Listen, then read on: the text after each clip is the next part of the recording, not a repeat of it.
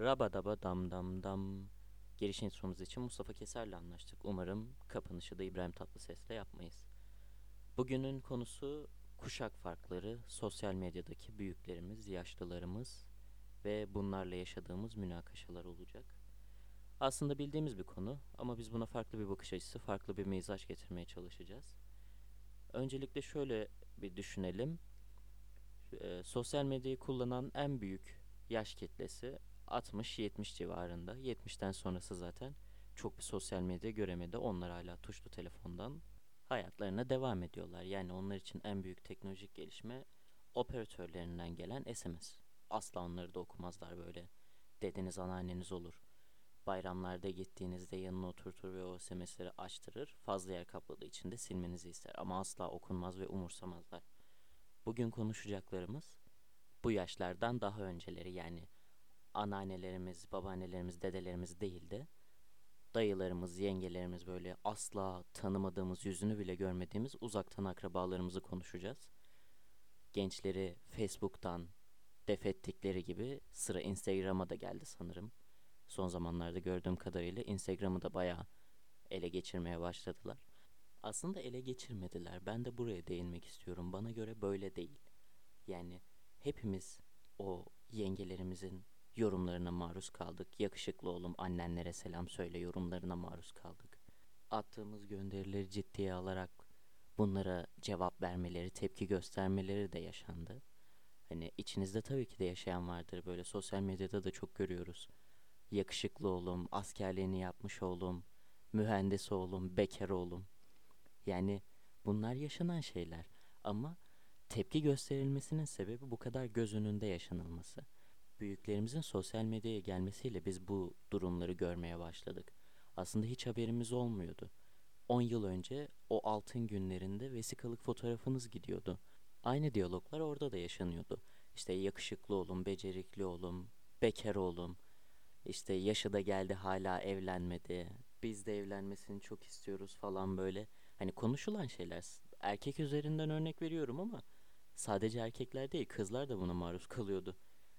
Becerikli kızım, benim kızım çok güzel yemek yapar, çok titizdir. Yani bunların hepsi öyleydi. Sadece bunlar sosyal medyaya taşındı. Mecburen göz önünde yaşanılmaya başlandı. Hepimizin bildiği bir tane tweet var mesela. Küçükken son saklambacımızı oynayıp evlere dağıldık ve bunun son saklambaç olduğunu kimse bilmiyordu. Bu büyüklerimiz için de geçerli. Bir gün son altın günlerini yaptılar ve bir daha altın günü olmadı. Artık sosyal medya vardı hayatlarında. Onlar aslında yani büyüklerimiz o yaş kitlesi, bizim önceki kuşaklarımız genel olarak kadınlar ev hanımı, erkekler işçi. Akşama kadar kadınlar birbirleriyle görüşür, ev işleri yapar. Erkekler de iş yerinde çalışıp akşam evine gelir. Mutlu aile tablosu. Standarda buydu. Ama o gündüzleri kadınların toplanıp birbirlerine bir şeyler anlatması, konuşması, muhabbet etmesi bu konuları da içeriyordu. Ama o gün olaylarını iptal eden kimdi bilmiyorum ama onun yüzünden şu an herkes muzdarip oluyor. Yani gün içinde yaşadıkları, sabah programında izledikleri o garip olayları, akşam izledikleri dizileri, bunları paylaşabilecekleri ortam kalmadı. Muhabbet edebilecekleri ortam kalmadı. Yavaş yavaş hani şu an genç kuşağı sürekli elinizde telefon var, sürekli elinizde telefon var, sabahtan akşama kadar bilgisayar başındasınız diyorlar ama aslında bunu kendileri de yapıyor. Arkadaşlarıyla normal hayattan çok, yüz yüze görüşmekten çok sosyal medyada konuşuyorlar.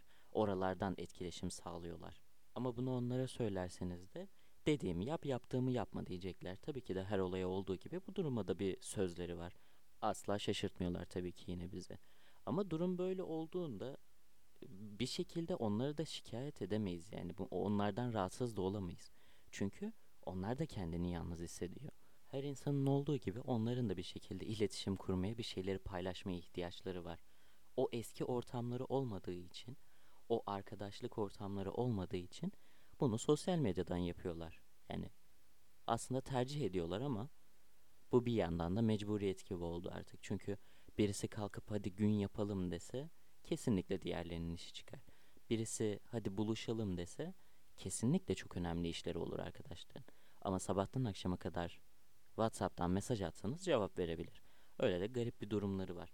Kuşaklar arası etkileşime gelirsek yani biz ve bizden önceki nesille bizim aramızdaki iletişime gelirsek tekrar benim bu konuda şöyle bir düşüncem var. 80'li 70'li dönemlerde teknolojik herhangi bir şeyle ilgilenen insanlarla bağımız daha kolay oluyor. Yani onlar bugüne daha adapte oldu. Şöyle ki mesela bir gazeteci eskiden not alıyordu. Daha sonra daktilo ile yazı yazıyordu. Ama zaman geçtikçe bunun eline ses kayıt cihazları geldi.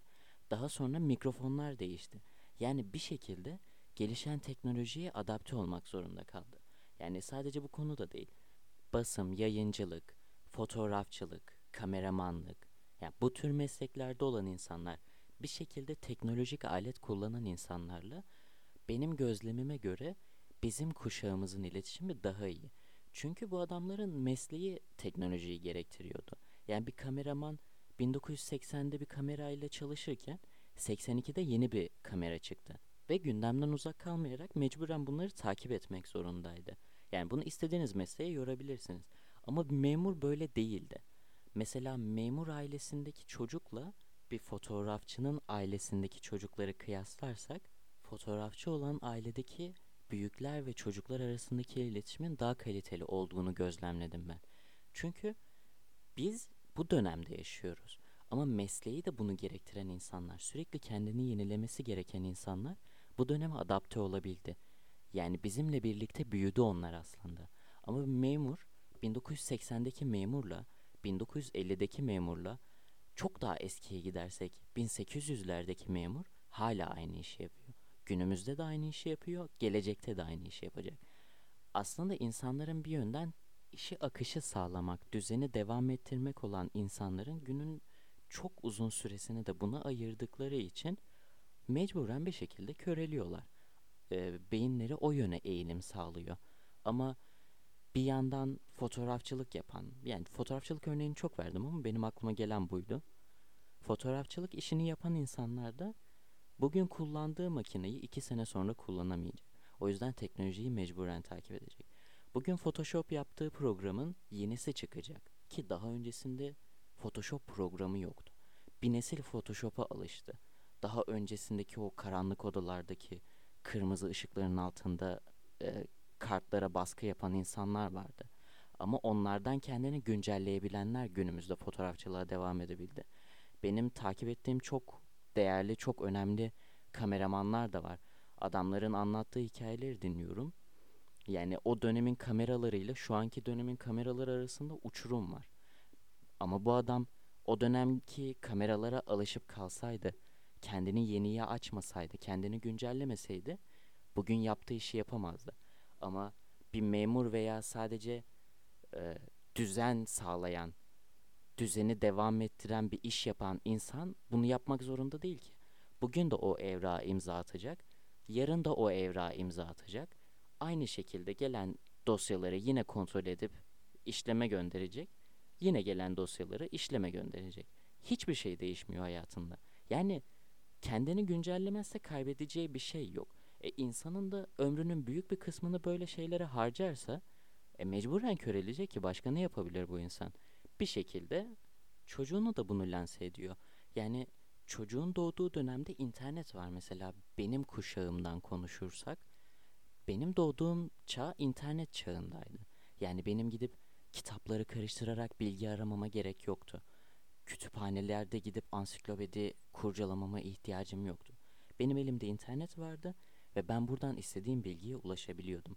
Ama benim bir önceki kuşağım memur olursa hala kütüphane kafasında olacak. Yani evden çıkıp kütüphaneye gidip o ansiklopediler, o kilolarca ağırlıktaki ansiklopediler kurcalanmadığında yeterli bilgiye erişebildiğini hissetmeyecek. Ama benim bir önceki kuşağım dijital işler yapan, gelişmek zorunda olan bir iş yapan kuşak olursa bu internete alışmış olacak internetin bize sağladığı şeylerin farkında olacak. Çünkü kendisi de kullanıyor olacak.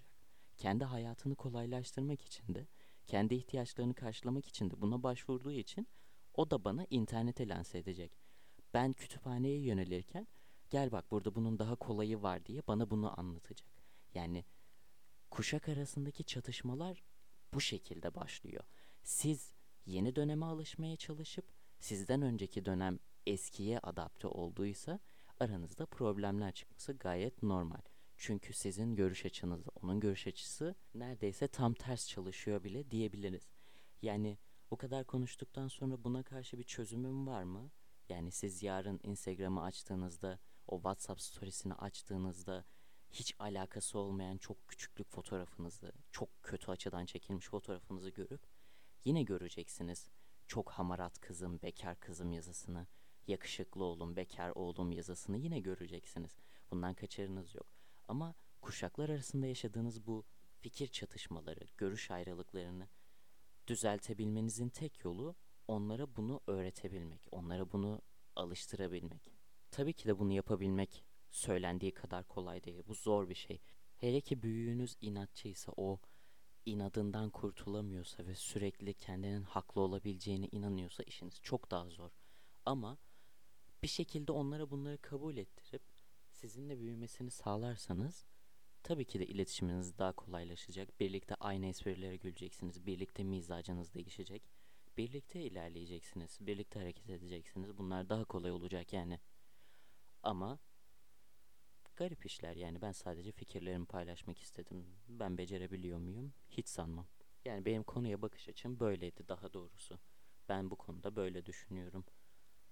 Ama diyorum ya hiçbir şeyi değiştiremesek bile en azından kuşak arası çatışmalarımızı azaltabiliriz.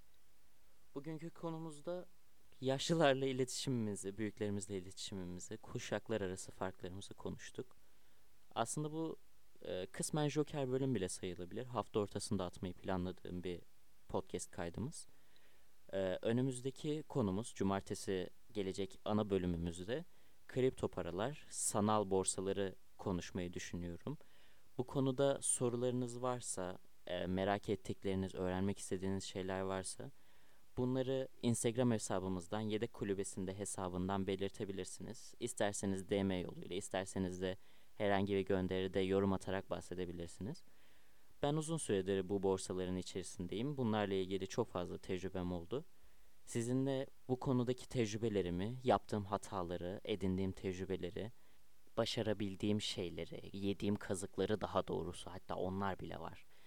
Yani çok garip bir piyasa. O yüzden sizinle paylaşmak istiyorum. Merakı olan insanlar olduğunu biliyorum. Ufak tefek birkaç bilgi paylaşımı yapacağım. Tecrübe paylaşımı yapacağım. İstediğiniz şeyler varsa onları da açıklayabilirim. Sorularınızı, merak ettiğiniz şeyleri dediğim gibi Instagram hesabımızdan bana ulaştırırsınız. Bununla ilgili de konu açarız. Cumartesi kaydımızda sizin istediğiniz şeyleri de konuşarak güzel bir ikinci bölüm sağlamış oluruz. Yani üçüncü bölüm sayılmaz. Bu Joker'di çünkü. Korkmayın kapanışı İbrahim Tatlıses'le yapmayacağım tabii ki de. Instagram hesabımı takip edip kanalımı desteklerseniz, e, podcastlerimizi paylaşırsanız bu mecrayı biraz daha fazla kitleye yayabilirsek sevinirim. Dinlediğiniz için teşekkür ederim. Görüşmek üzere.